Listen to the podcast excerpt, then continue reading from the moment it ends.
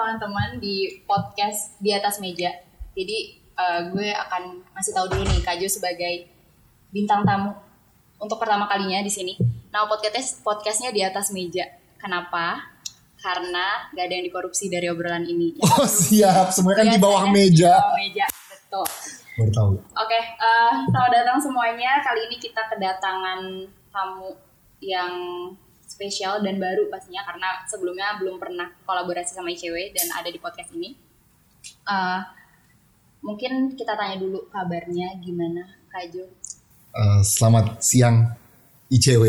Okay. Mima kan? Yeah. Mima. Uh, terima kasih Mima udah ngundang ya. Selamat siang teman-teman ICW dan penonton. Nama namanya apa nih? Nama penontonnya? Iya. Yeah. Uh, nama ya sahabat ICW biasa kita panggil.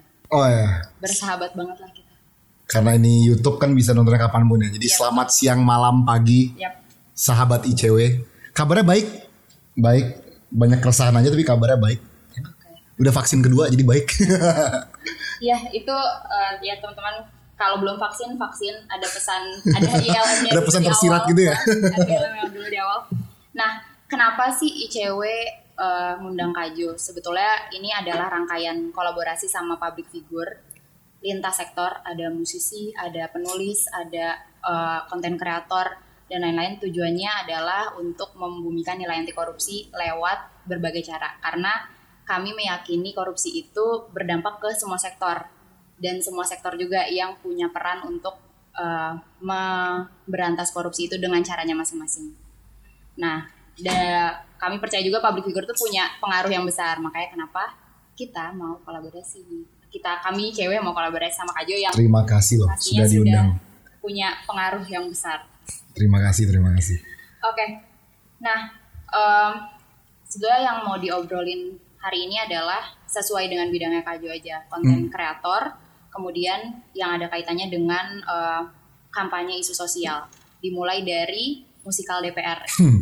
yang beberapa bulan lalu uh, trending. Trending ya, ya berapa bulan yang lalu trending soal musikal DPR. Yang mau aku tanya sebetulnya apa sih yang mau disampaikan atau tujuannya apa bikin musikal DPR dengan cerita yang sespesifik itu? Uh. Namanya pun sudah DPR gitu. Iya iya. Biasanya tujuannya kalau secara personal ada dua, ada hmm. dua. Yang pertama itu pembuktian diri kita. Jadi gini, ini kita mulai yang gampang-gampang dulu ya. Hmm banyak orang bilang bahwa youtuber tuh level keseniannya tuh hanya selevel itu. Jadi kalau anda adalah seorang youtuber atau tiktoker atau konten kreator atau selebgram, kalian hanya mampu membuat sebuah karya seni selevel tertentu. Nah, gue sama Andovi itu ingin membuktikan bahwa nggak semua youtuber jatuh dalam stereotipe itu. Ada yang bisa bikin karya-karya bagus setara setara perfilman. Cuma karena yang disorot oleh media adalah selalu yang sensasi selalu apa jatuhnya orang menganggap youtuber itu seperti itu. Jadi yang pertama itu pembuktian uh, secara skill kita. Nah kita bikin musikal 36 menit. Tapi kalau yang kedua sebenarnya yang tadi yang pertama tuh kedua tapi diputar dulu karena yang lebih gampang. Yang kedua yang sebenarnya yang pertama itu pesannya. Um, orang berintegritas dan jujur itu sangat sulit berada di sistem mau eksekutif, legislatif di Indonesia. Itu uh, gimana kita bisa ngomong seperti itu? Itu sebenarnya pengalaman hidup sih. Nyokap mama itu PNS, papa juga dulu politikus. Um, kita dengar banyak banget cerita tentang um, kenapa papa, papa tuh dulu coba masuk DPR. Dan kita dengar banyak cerita sebagai anak uh, sebagai anaknya dulu kegagalan dia masuk DPR tuh karena apa? Keresan-keresan dia kenapa dia nggak bisa masuk DPR tuh karena apa? Um, dan kalau dari sisi mama, mama tuh PNS diplomat, Kemlu. Betapa sulitnya naik jenjang dalam sebuah kementerian.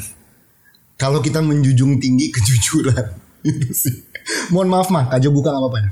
Ini nggak apa-apa, ini kan ICW. ICW ya. Kalau kita jujur, kita berusaha membuat baik itu sangat sulit untuk naik jenjang dalam sebuah kementerian. Nah, itu kan dari orang tua. Kita juga sebagai channel YouTube juga merasakan hal yang sama. Kalau konten kita mem- berusaha membangun, berusaha positif itu lebih sulit naik daripada konten-konten yang lain. Misal, Anda tahu lah, gitu kan?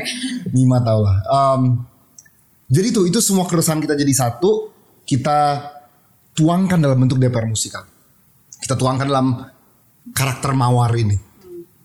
Jadi bagi yang belum nonton di DPR musikal tuh ada seorang karakter mawar em, terpilih menjadi anggota DPR, memiliki sebanyak ide yang fresh dan memiliki keresahan pribadi dari masa lalunya ingin memperbaiki Indonesia dengan caranya. Tapi ketika dia masuk DPR dia sadar sulit ternyata, tidak segampang yang dia kira. Dan begitulah. Jadi kita mengikuti perjalanan mawar. Gue gak mau terlalu spoiler di sini. biar Supaya, supaya orang nonton ya. Jadi ada perjalanan seorang karakter mawar. Gitu. Oke, eh, itu pesannya kan ada ada keresahan, kemudian dituangkan jadi satu pesan. Tapi sebuah konten itu kan kalau Kajo pernah bilang di salah satu panggung TED Talks asik. Itu kan ada emosi yang mau disampaikan. Nah, secara khusus di musikal DPR ini, emosi apa sih yang mau dibangun? Apakah supaya orang-orang itu marah dengan kondisi sekarang atau memang jadinya aware oh ada kondisi seperti ini dan kita harus perbaiki sama-sama atau apa? Hmm. Itu pertanyaan baik sih. Um, Sebenarnya kalau kita lihat lebih mendalam sih si DPR musikal ini tuh lebih kayak pembenahan karakter sih. So gini, abis kita bikin DPR musikal kita baca komennya, banyak orang nulis kayak, gua akan menjadi mawar. Gua terima kasih.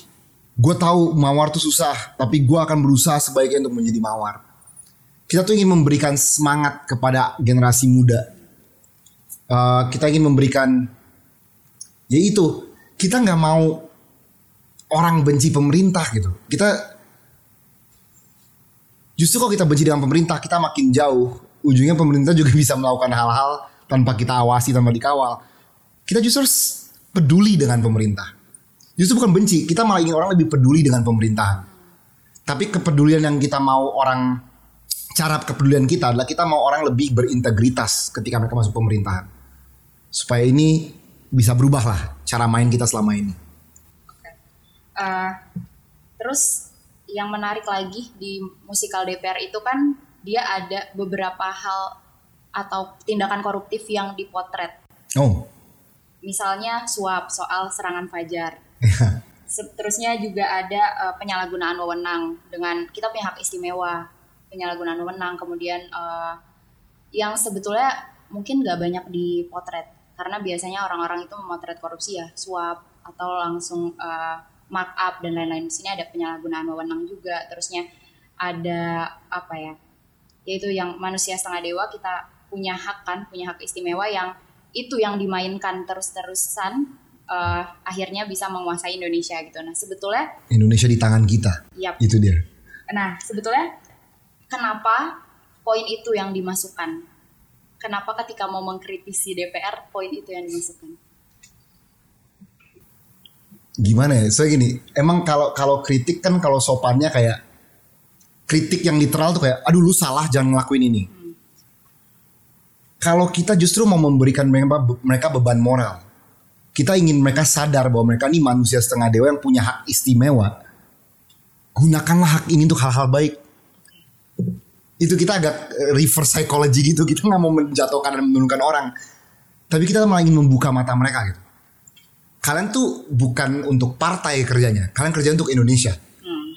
Karena kalian wakil rakyat. gitu. Bener, kebanyakan orang tuh kerja untuk partai atau enggak di di di benar-benar diarahin oleh partai atau menjadi boneka partai. Sedangkan partai ini sebuah medium untuk kalian bisa nyampe posisi. Ketika kalian nyampe posisi, logikanya oke berterima kasih sama partai gue paham. Tapi kalian tanggung jawabnya untuk udah Indonesia, bukan partai lagi gitu. Mandatnya dari rakyat. Bener, bener. Nah ini yang menurut gue lumayan hilang nih di pejabat-pejabat kita. Ada beberapa, ada beberapa yang baik. Cuma entah kenapa yang dirasakan oleh rakyat nih, bukan rakyat juga ya. Ya kalau orang peka ya, kebanyakan kayaknya untuk partai. Program dia juga dikasih ke orang dari partai dia, pengadaan juga untuk orang-orang yang perusahaan di partai dia. Jadi emang kerjanya untuk partai bukan untuk rakyat keseluruhan. Nah itu itu yang disayangkan sih. Kayak gue sangat mau sistem ini berubah. Ya.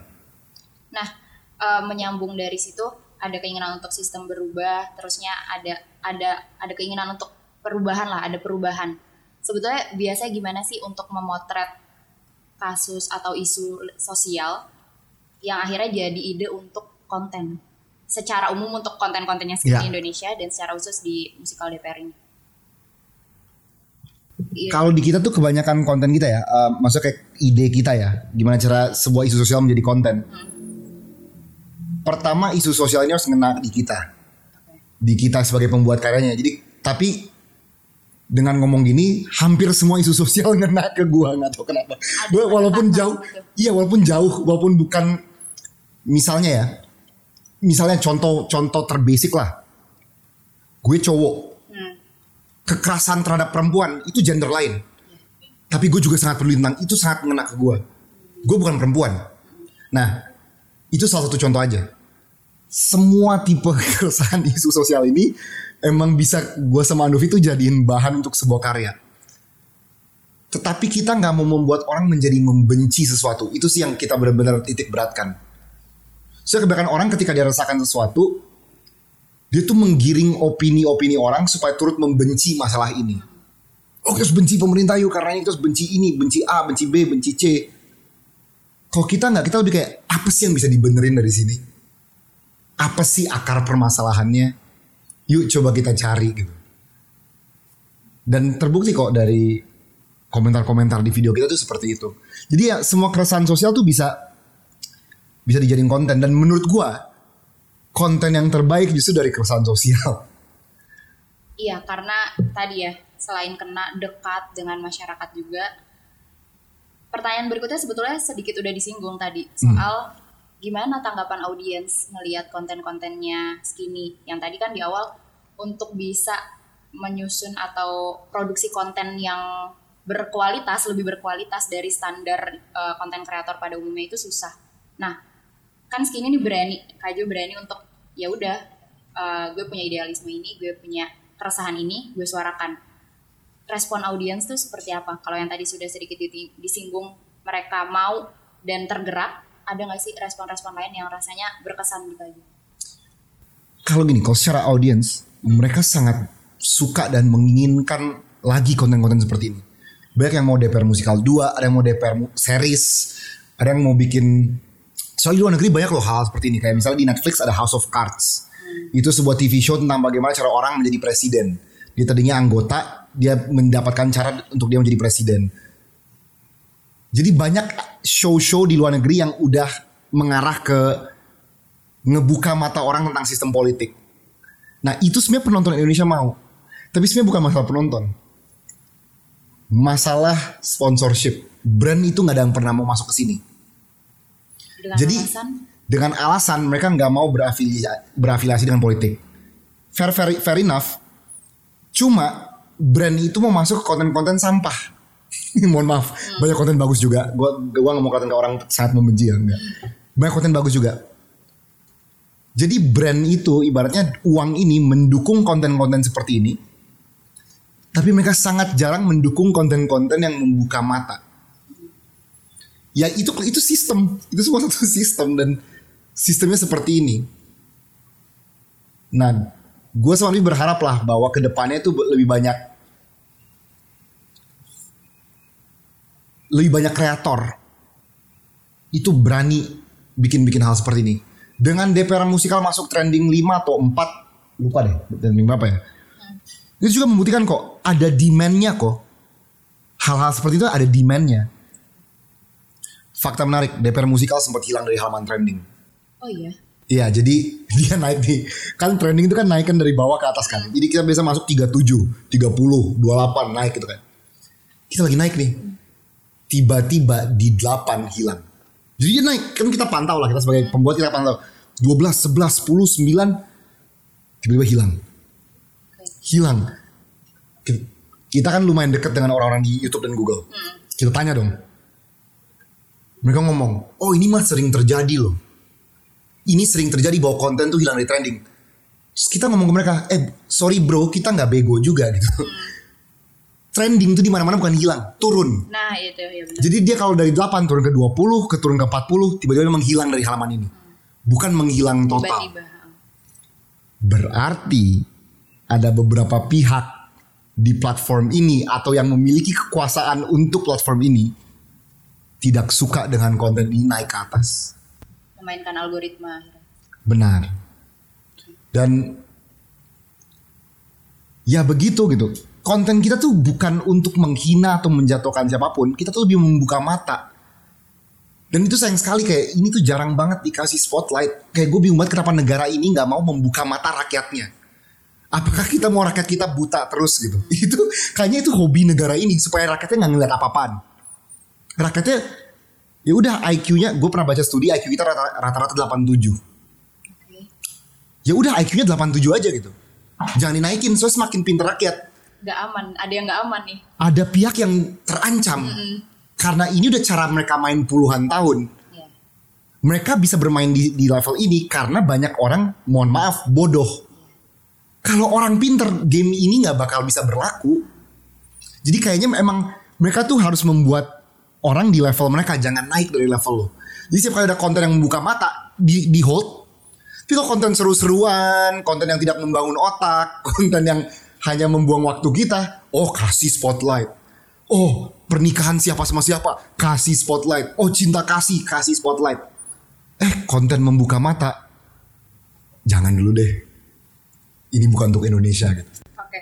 Ini menarik.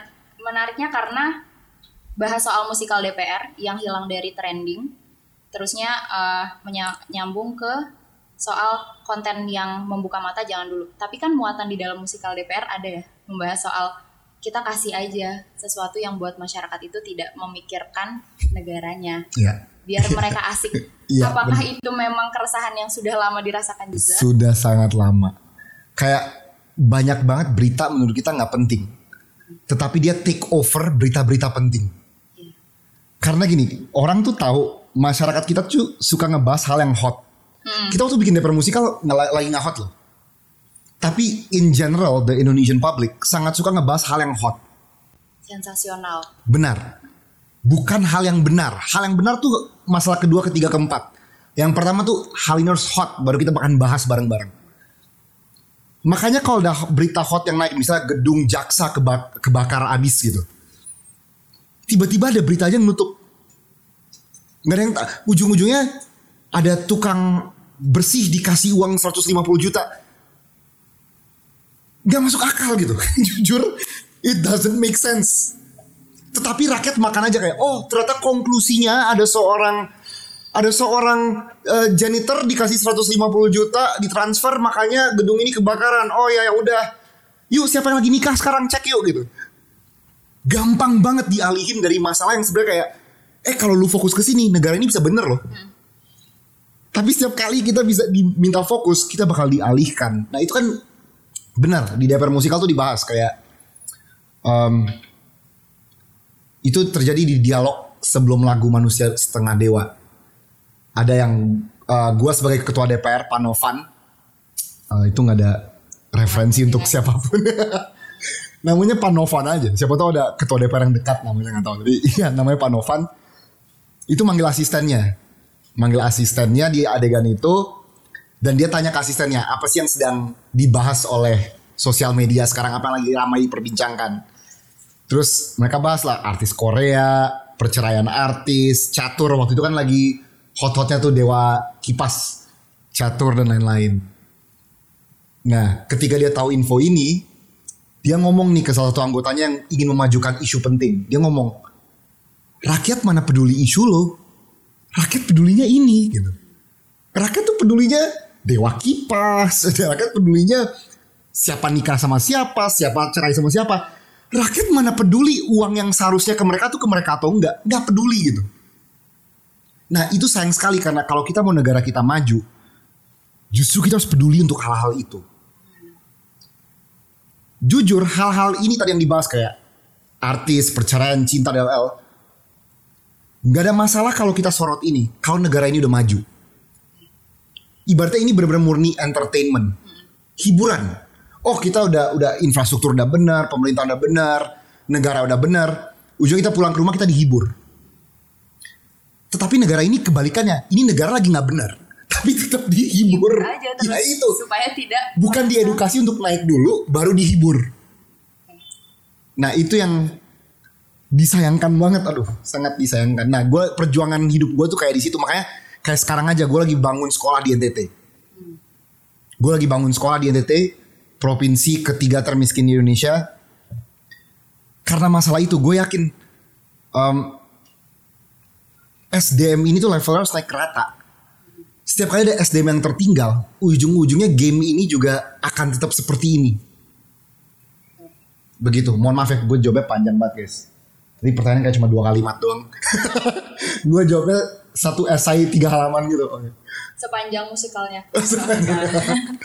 nah, tadi soal eh, gampang banget nih masyarakat untuk digeser fokusnya. Itu kan juga salah satu dari ciri khas media digital. Media digital itu, Dan konvensional yang lama. ya. Ya, eh, terus, ya, tapi di di Twitter gitu kan kita bisa lihat perubahan trending cepet banget kan. benar, Dan masyarakat tuh mudah sekali untuk hilang fokus. benar. Tapi Kajo ini kan bergerak di, di bidang konten kreator dan me- memasarkan atau mempublikasikan karyanya lewat platform digital. Nah, sebetulnya menurut Kajo tetap efektifkah atau apa sih poin-poin plus dari media digital untuk kalau kita bisa bilang di sini sebagai medium kampanye, isu sosial atau menyuarakan keresahan. Itu apa poin plusnya dari media digital? Gua sama Andovi tuh tidak memasuki atau bukan gini ya. em, cara main gue sama Andovi itu sebenarnya bukan cara main sewajarnya di sosmed. Karena benar tadi kata kata omongan eh, Mima kan. Kan di sosmed ini kalau kita mau dibahas atau kita mau memiliki spotlight, kita bahas aja apa yang lagi trending. Itu kita akan disorot. Sedangkan gua sama Andovi dan beberapa kreator lain kok. Cara main kita beda. Kita tuh bukan masalah apa yang lagi hot. Kita tuh masalah apa yang perlu kita bahas. Dan kita yang buat trending gitu ya. Bener. Hmm, oke. Nah, gue sama Andovi selama ini tuh kita selalu merasa beruntung.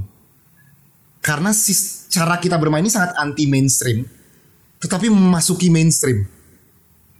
Saya jujur, kalian kalau ngeliat, jangan coba ilangin skinny Indonesian 24-nya deh. Banyak orang kontennya tuh ingin membahas apa yang nggak bener di negara ini, tapi nggak masuk trending 1 sampai 10. Iya. Sedikit sekali loh orang yang coba membuka mata tapi masuk top 10 trending. Nah itu gue sama Anvi, makanya gue sama Anvi tuh selalu bersyukur bahwa kita bisa mendapatkan opportunity ini. Kita mundur dikit lah, dua tahun yang lalu Prabowo versus Jokowi rap battle, nggak tahu kalian nonton atau enggak. Ada rap battle Prabowo versus Jokowi, itu menjadi video paling trending di Indonesia di tahun 2019. Kan biasanya kan kalau trending satu kayak, oh dia trending satu dua hari, tiga hari. Itu diambil datanya, dia diambil data trending satu sepanjang tahun itu. Dan dari konten kreator Prabowo Jokowi itu trending nomor satu di tahun itu, bukan cuma di masa itu gitu. Nah itu juga membuktikan kayak eh konten tuh juga bisa kayak gini loh. Dan banyak orang yang juga ngomong kayak wah Kajo Andovi itu ngebuka mata tentang how we can talk about political issues in this country. Soalnya orang tuh selalu merasa kayak kalau masa isu politik DLL tuh selalu jauh dari anak muda, ini selalu masalah yang tua. Ini biarkan aja orang-orang di DPR, orang di pemerintahan, di Pemkap. Ini biarkan mereka aja yang bahas. Bukan kita gitu. Pemprov. Nah kalau gue lebih kayak ini masalah kita semua men. Lu kalau orang Indonesia, isu ini justru sangat yang melekat di lo gitu. Ini yang harus melekat di lo. Iya. Eh, ini juga sih betulnya yang lagi mau diusahakan sama cewek. Karena ketika bilang kita ngomongin isu korupsi yuk misalnya gitu sama anak muda, oh gue nggak tahu nih, gue terlalu jauh. Ini bukan urusan gue dan lain-lain. Padahal kita tahu korupsi sekecil apa pun korupsinya kita akan kena dampaknya gitu. Karena kan korupsi melibatkan pejabat publik, pejabat publik akan melibatkan pelayanan publik dan kita adalah publik yang terkenanya.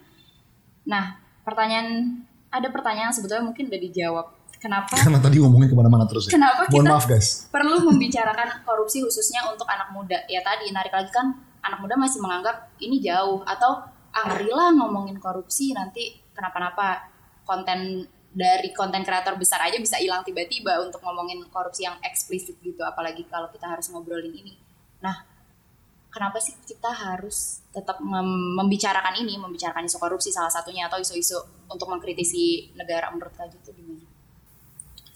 Kalau menurut gue tuh anak gini ya. Masalah dengan korupsi. Korupsi itu sejauh ini di, di otak orang tuh hanya sebuah kata negatif. Tapi menurut mereka nggak begitu mempengaruhi hidup mereka. Itu cuma kata negatif aja gitu kayak oh korupsi, oh itu nggak bagus. Kita tuh lagi coba membuat bahwa, membuat orang sadar bahwa korupsi itu bukan cuma kata negatif, tapi ini kata nyata yang terjadi dan mengefek hidup kalian dan negatif. Bukan cuma kata tapi perbuatannya dan dampaknya juga negatif. Bener. Nah itu tuh PR-nya karena gini, kalau anak muda makin tahu bahwa ini lebih dari sekedar kata dan se- sesuatu yang dilakukan oleh pemerintah atau oknum mana pun, mereka bakal sadar bahwa korupsi itu hal yang tidak boleh dilakukan atau hal yang benar-benar haram atau hal yang tidak boleh mereka pikirkan sekalipun. Hmm, ini menarik poinnya. Iya, bukan cuma untuk nggak boleh dikerjain tapi mikirin aja kayaknya nggak usah deh gitu ya. Bener. Nah makanya kita tuh mau ngebahas ini tuh dari mereka muda. Justru anak muda tuh harus bener-bener menjunjung tinggi anti korupsi dan bener-bener bukan cuma menjunjung tinggi doang, masuk ke dalam karakter mereka nih. Sifat ini anti korupsi dan gue sama Nabi berusaha untuk memasuki slip-slipin lah untuk masuk ke karakter karakter anak muda. Begitu. Nah, sejauh ini membicarakan isu korupsi itu sesuatu yang sulit kah atau justru jadi menantang karena eh, atau malah seru gitu atau malah menakutkan? itu semua emosi jadi satu sebenarnya sih. Eh, Itu jawabannya adalah semuanya itu. Ini kalau pilihan ganda gue bulutin semuanya itu kan. Em, Semua benar pilihnya. seru, menantang, menakutkan. Hmm. Semuanya. Kayak contohnya kita waktu ngeluarin DPR musikal. Kita sempat panik. Apakah ini akan kena ITE? Nah, Karena kita sempat nunjukin anggota dewan bernyanyi di atas meja mengatakan persetan rakyat. Kan itu ibaratnya kita memberikan ide bahwa DPR ini kerjaan mereka di kantor persetan rakyat terus menerus. Nah kita nggak tahu apakah ini masuk dalam formasi ITE. Tapi kayaknya kalau ini emang sebuah karya seni bebas-bebas aja. Nah tapi kan isu-isu terakhir ini ada yang mural tuh. Ada orang melukis mural tiba-tiba ini seni loh, mengkritik ini seni. Nah, gue jadi panik kalau mural ini kena, apakah DPR musikal kena gitu? Tapi itu dia gue merasa beruntung sekali lagi. Kenapa? Logikanya kalau mural itu kena, seharusnya DPR musikal itu juga kena. Sama-sama mengkritik pemerintah kok. Apakah kita mainnya lebih cantik? Kan yang di mural benar-benar melukis sebuah sosok dan ada kata-katanya kan kalau kita kan bermain sebuah karakter, kita nggak menunjukkan, kita nggak ada deep fake muka kita berubah jadi orang tersebut, enggak. Mungkin karena permainan kita lebih cantik, tapi logikanya kalau itu kena IT, sebenarnya kita juga kena IT. ya. apalagi memang dipublikasikannya lewat media digital. Benar. TE. Gak Benar. mural kan Bukan mural. yang, yang difoto baru masuk media Kalau orang foto, seharusnya orang yang menyebar foto pertama itu, itu yang harus itu baru kena bukan IT. pelukisnya. Benar. Dan dan kan ujungnya isunya, gue suka banget cara pemerintah kita memainkan isu-isu. Gue suka banget. Ujungnya Jokowi ngomong, oh biarkan mereka berekspresi seni, tapi polisi nggak bisa, itu menghina negara. Jadi ibaratnya ada internal dalam negara, padahal mereka sebenarnya udah tahu cara mencainya gimana. Tapi mereka pura-pura bikin mereka tuh nggak ngerti apa-apaan. Ada permasalahan di sini, diteralihkan ke tempat lain.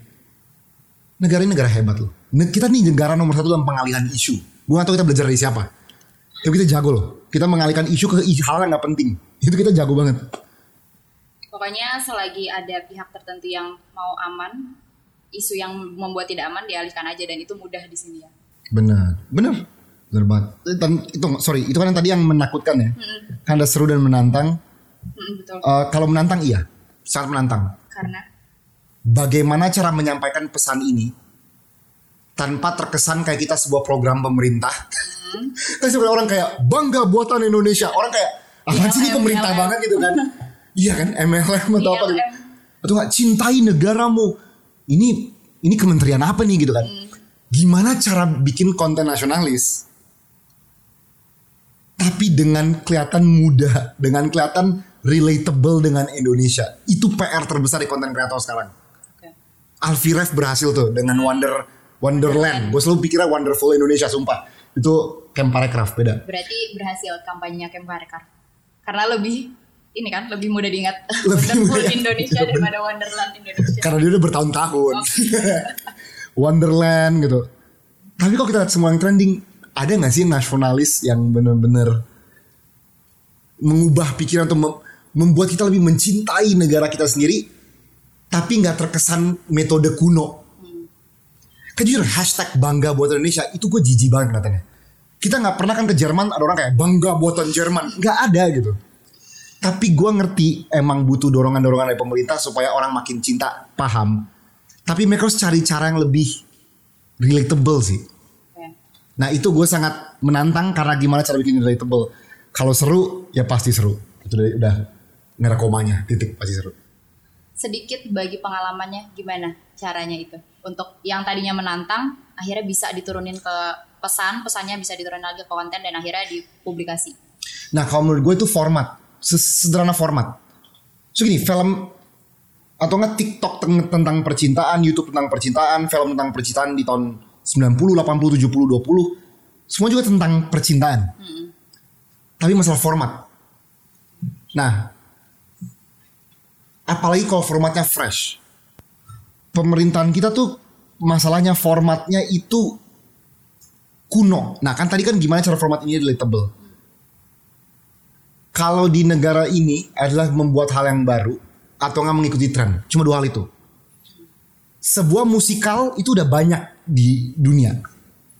Musikal tentang pemerintahan, musikal tentang DPR di Indonesia ini baru.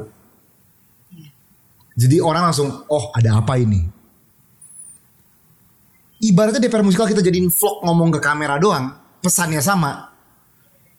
Karena itu format yang udah sering diulang-ulang, kayaknya nggak bakal sebegitu masuk seperti DPR musikal. Padahal pesannya persis sama loh. Jadi itu sih PR-nya gimana cara mencari format yang yang baru, kalau nggak di dunia di Indonesia baru dan sebuah pengemasan gitu yang yang yang fresh.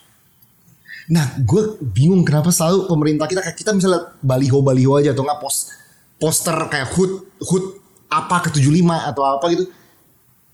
Akhir-akhir ini mereka yang Dirgahayu RI udah mulai bagus tuh. Desainnya udah mulai modern. Tapi sebelum itu kan kayak ini kenapa ada. desainnya tua banget misalnya kayak hood mohon maaf gue bakal jadi nyentil banyak instansi ini misalnya kayak TNI atau Polri itu kan posternya bisa kayak ini yang edit Photoshop berapa jam gitu di Snappy sebelum dia print gitu kan banyak desain yang lebih kekinian gitu. Ini bukan berarti gue menjelekkan instansi tersebut. Cara promosinya guys. Kalian tuh kalau mau bikin sebuah desain visual ikutin zaman gitu. At least ikutin zaman. Tapi ini menarik karena eh, ada sempat ada survei kenapa baliho eh, kampanye politik dengan wajah eh, calonnya yang lebih besar daripada wilayah pilihannya, pemilihannya atau namanya atau dari partai mana itu lebih mendapat banyak suara karena masyarakatnya memang masih lebih memperhatikan yang kayak gitu. Mungkin aku atau IQ 87 Oke. Mungkin Kajo gue juga mikir kenapa sih sepanjang jalan muka orang yang sama gitu misalnya ngeliat baliho. Tapi ternyata memang hasil surveinya masyarakat Indonesia masih seperti itu. Ya, it's eh, paham e- exposure gitu. Kita tiap hari pagi-pagi jam 6 mau ke pasar, pas kita belok kiri di sebuah tikungan ada muka dia gitu. Iya betul. Selama 30 hari kita ke pasar ada muka dia. Ya ini basic strate- strategy of marketing untuk untuk untuk awareness. Cuma muka orang tersebut tidak menjamin kesejahteraan, itu aja sih. Itu yang orang harus paham. Ya, mukanya menarik, balihonya menarik, balihonya ada, tapi karena dia ada bukan berarti dia ingin menja- menja- mensejahterakan rakyat. Itu poinnya benar. Eh, masyarakat perlu tahu juga dia ada di baliho belum tentu dia ada buat rakyat. Ben, bener banget. Ini semua kita terlalu kemakan marketing. Kita terlalu kemakan apa yang trending, kita terlalu kemakan apa yang marketing, sehingga hal yang sungguh-sungguh harus diperhatikan itu tidak diperhatikan. Oke. Eh, tadi udah ada nih, ada seru, ada menantang, menakutkan dan menyambung ke UU ITE. Tadi sempat khawatir, tapi ada nggak sih strategi yang biasanya disusun sama tim bahwa supaya konten ini tetap aman, tetap terjaga dan pesan kita sampai. Jangan sampai kontennya pesannya memang udah kuat, tapi karena nggak mementingkan kita punya UU ITE di negara ini, akhirnya belum sampai ke masyarakat udah di take down. Kalau di semua konten kita selain DPR musikal ada, DPR musikal nggak ada. DPR musikal tuh momen di mana kita kayak kita juga udah mau keluar itu kok. Hmm, Kalaupun kena ITE ya sudah. hmm, Tapi kita mikir secara cerdas. Kalau kita kena ITE karena kita membuka sebuah keburukan di bangsa ini, kemungkinan penonton juga akan bela kita kok, apa pun yang terjadi. Ya kita nggak bisa jamin bahwa mereka akan membela kita. hmm. Tapi at least we will win the internet. Oke. We will win the internet. Maybe we won't win real life karena real life ini banyak sekali um, orang yang apa sih banyak stakeholder ya. Tapi at least the internet will support us lah. Kalau tiba kita kena ITE, ini akan jadi masalah besar dan yang meng-ITE kan kita pun itu akan disorot media terus. Itu dia bakal kayak ini orang kenapa dia mau memenjarakan dua anak ini gitu. Jadi kita berlindung di balik good faith aja. Kita percaya bahwa apa yang kita lakukan ini baik. Semoga kita nggak kena apa-apa. Itu DPR musikal. Tapi kalau yang lain kita ada QC. Hmm. Kayak contohnya eh, tadi yang sempat dibahas Prabowo Jokowi. Kan saya sebagai karakter Prabowo di video itu saya harus menghina Jokowi, karakter Jokowi. Dan Andovian karakter Jokowi harus menghina saya sebagai karakter Prabowo. Hinaan tuh kan bisa seluas mungkin loh. Ya kan kita tuh wah kalau masalah menghina tuh kita bisa apa pun kita menghina lah ya, bebas emosi gitu kan. Tapi itu pun kita sensor supaya yang kita hina ini kita berusaha berhubungan dengan uh, kepresidenanan dia aja deh. Kepresidenannya saja. Jadi memang kontekstual dengan kampanyenya apa Benar. dan pesannya apa gitu. Kita nggak mau bawa ke mana-mana. Kayak contohnya ini salah satu contoh. Saya sempat mau ada bikin line tentang jadi deket-deket Jokowi deket 19 ini Jokowi ke mana-mana bawa Jan Etes. Mm-mm. Nah itu saya sempat mau bahas kayak ini lu bener-bener sayang cucu lo atau untuk kampanye doang? Ketahuan di cewek nggak apa-apa guys. Kalian udah dewasa kok, mantap. Ini kan semua penonton ini dewasa, kalian tenang aja. Oke. Tetapi ujungnya gue mikir, gue nggak mau bawa anak bayi yang masih innocent. Ini urusan kakeknya loh. Bayi ini nggak ada urusannya apa pun dengan ini semua. Gue semakin mikirnya kayak gitu. Jadi sebaiknya kita take out line ini. Padahal ini seru kok. Orang tahu ke mana-mana itu lagi disorot banget. Ke mana-mana dia gendong cucunya. Kan ingin menunjukkan sifat kekakean, kekeluargaan, kebapaan. Tapi kita sadar ini ada sebuah ada human being yang gak terlibat sama sekali dan masih muda. Jadi jangan kita bawa-bawa. Nah itu kita ada QC QC quality control kayak gitu. Internalnya segini. Oke. Eh, tadi udah diingetin. Ternyata kita panjang juga Aduh. ngobrolnya. Karena memang ceritanya menarik. Cuma balik lagi karena ini adalah podcastnya ICW, rasanya eh, nggak pas kalau nggak ngomongin. Korupsi. Korupsi. Tapi ini se- sebuah pernyataan penutup aja, eh, pertanyaan penutup aja Oke. untuk Kak Jo. Dan mungkin juga eh, jadi apa ya? Jadi pernah jadi inspirasi untuk masuk ke kontennya juga. Sebetulnya kalau dengar kata korupsi, apa yang tergambar di pikiran Kak Jo? Wow, ini gue sama saya nggak siap untuk pertanyaan ini. Guys, saya tidak siap untuk pertanyaan. Kalau dengar kata korupsi, apa yang tergambar? Apa yang apa yang apa yang terbentuk ya di benak gitu ya? Kalau dengar kata korupsi, pasti yang paling pertama tuh ketidakadilan itu aja. Malah duit DLL jumlah duit itu masalah nanti loh ketidakadilan. Ada orang yang dapat lebih. Kita semua tuh setara. Tapi ada beberapa pihak yang dapat lebih dari pihak lain. Itu sih ketidakadilan. Menarik. Eh, dan ya setiap orang pasti punya jawaban yang beda. Pasti, pasti tapi itu di gue. Heeh. Eh, kayaknya segini dulu Aduh, obrolannya. apalagi panas nih guys. Oh, Langsung episode 2. kita tunggu part-part berikutnya ya. Iya. Eh, iya, kenapa pertanyaan itu juga untuk menutup? Karena kan ya kembali ke awal bahwa korupsi berdampak ke siapa saja dan siapa pun itu yang merasakan bisa beda-beda. Mungkin kalau pertanyaannya ke gue, gue akan bilang suap langsung se- se- sesederhana suap atau eh, Itu yang literal ya, kayak korupsi apa? Suap, mm-mm. mencuri uang. gitu Iya. kan. Kalau gue langsung ngambil konsep besar ketidakadilan. Nah, itu setiap orang punya perspektif beda-beda dan nggak ada yang salah sih menurut gue. Karena selagi kita memahami bahwa yang tadi kata Kajo, korupsi itu bukan cuma kata yang negatif, tapi dia adalah perbuatan dan dampak negatif. Eh, terima kasih sudah mau gabung di atas meja. Sudah mau gabung di podcast di atas meja. Eh, kita akan kita bisa bicara lebih banyak sebetulnya untuk mengkritisi negara, untuk mengutarakan unek-unek lah soal negara dengan cara yang beda-beda. Kali ini ICW ngobrolnya dengan konten kreator dan tentunya cara membahas mengkritisi negaranya lewat konten. Tapi ICW meyakini bahwa kita bisa eh, mengkritisi negara dengan cara apa pun, dengan latar belakang apa pun. Benar. Jadi nggak nggak harus kok untuk untuk Harus bisa jadi konten kreator. gitu. betul Enggak. Un- untuk melawan korupsi nggak harus jadi konten kreator, nggak harus jadi aktivis anti korupsi. Benar. Siapa pun bisa. Ya, cuma kita meyakini bahwa kita punya tujuan yang sama untuk menyelesaikan atau setidaknya berupaya membersihkan Indonesia dari korupsi. Terima kasih Kajo, terima kasih semuanya, terima kasih sahabat ICW. Kita akan ketemu lagi di podcast edisi episode-episode berikutnya. Salam sehat untuk semua. Wassalamualaikum warahmatullahi wabarakatuh.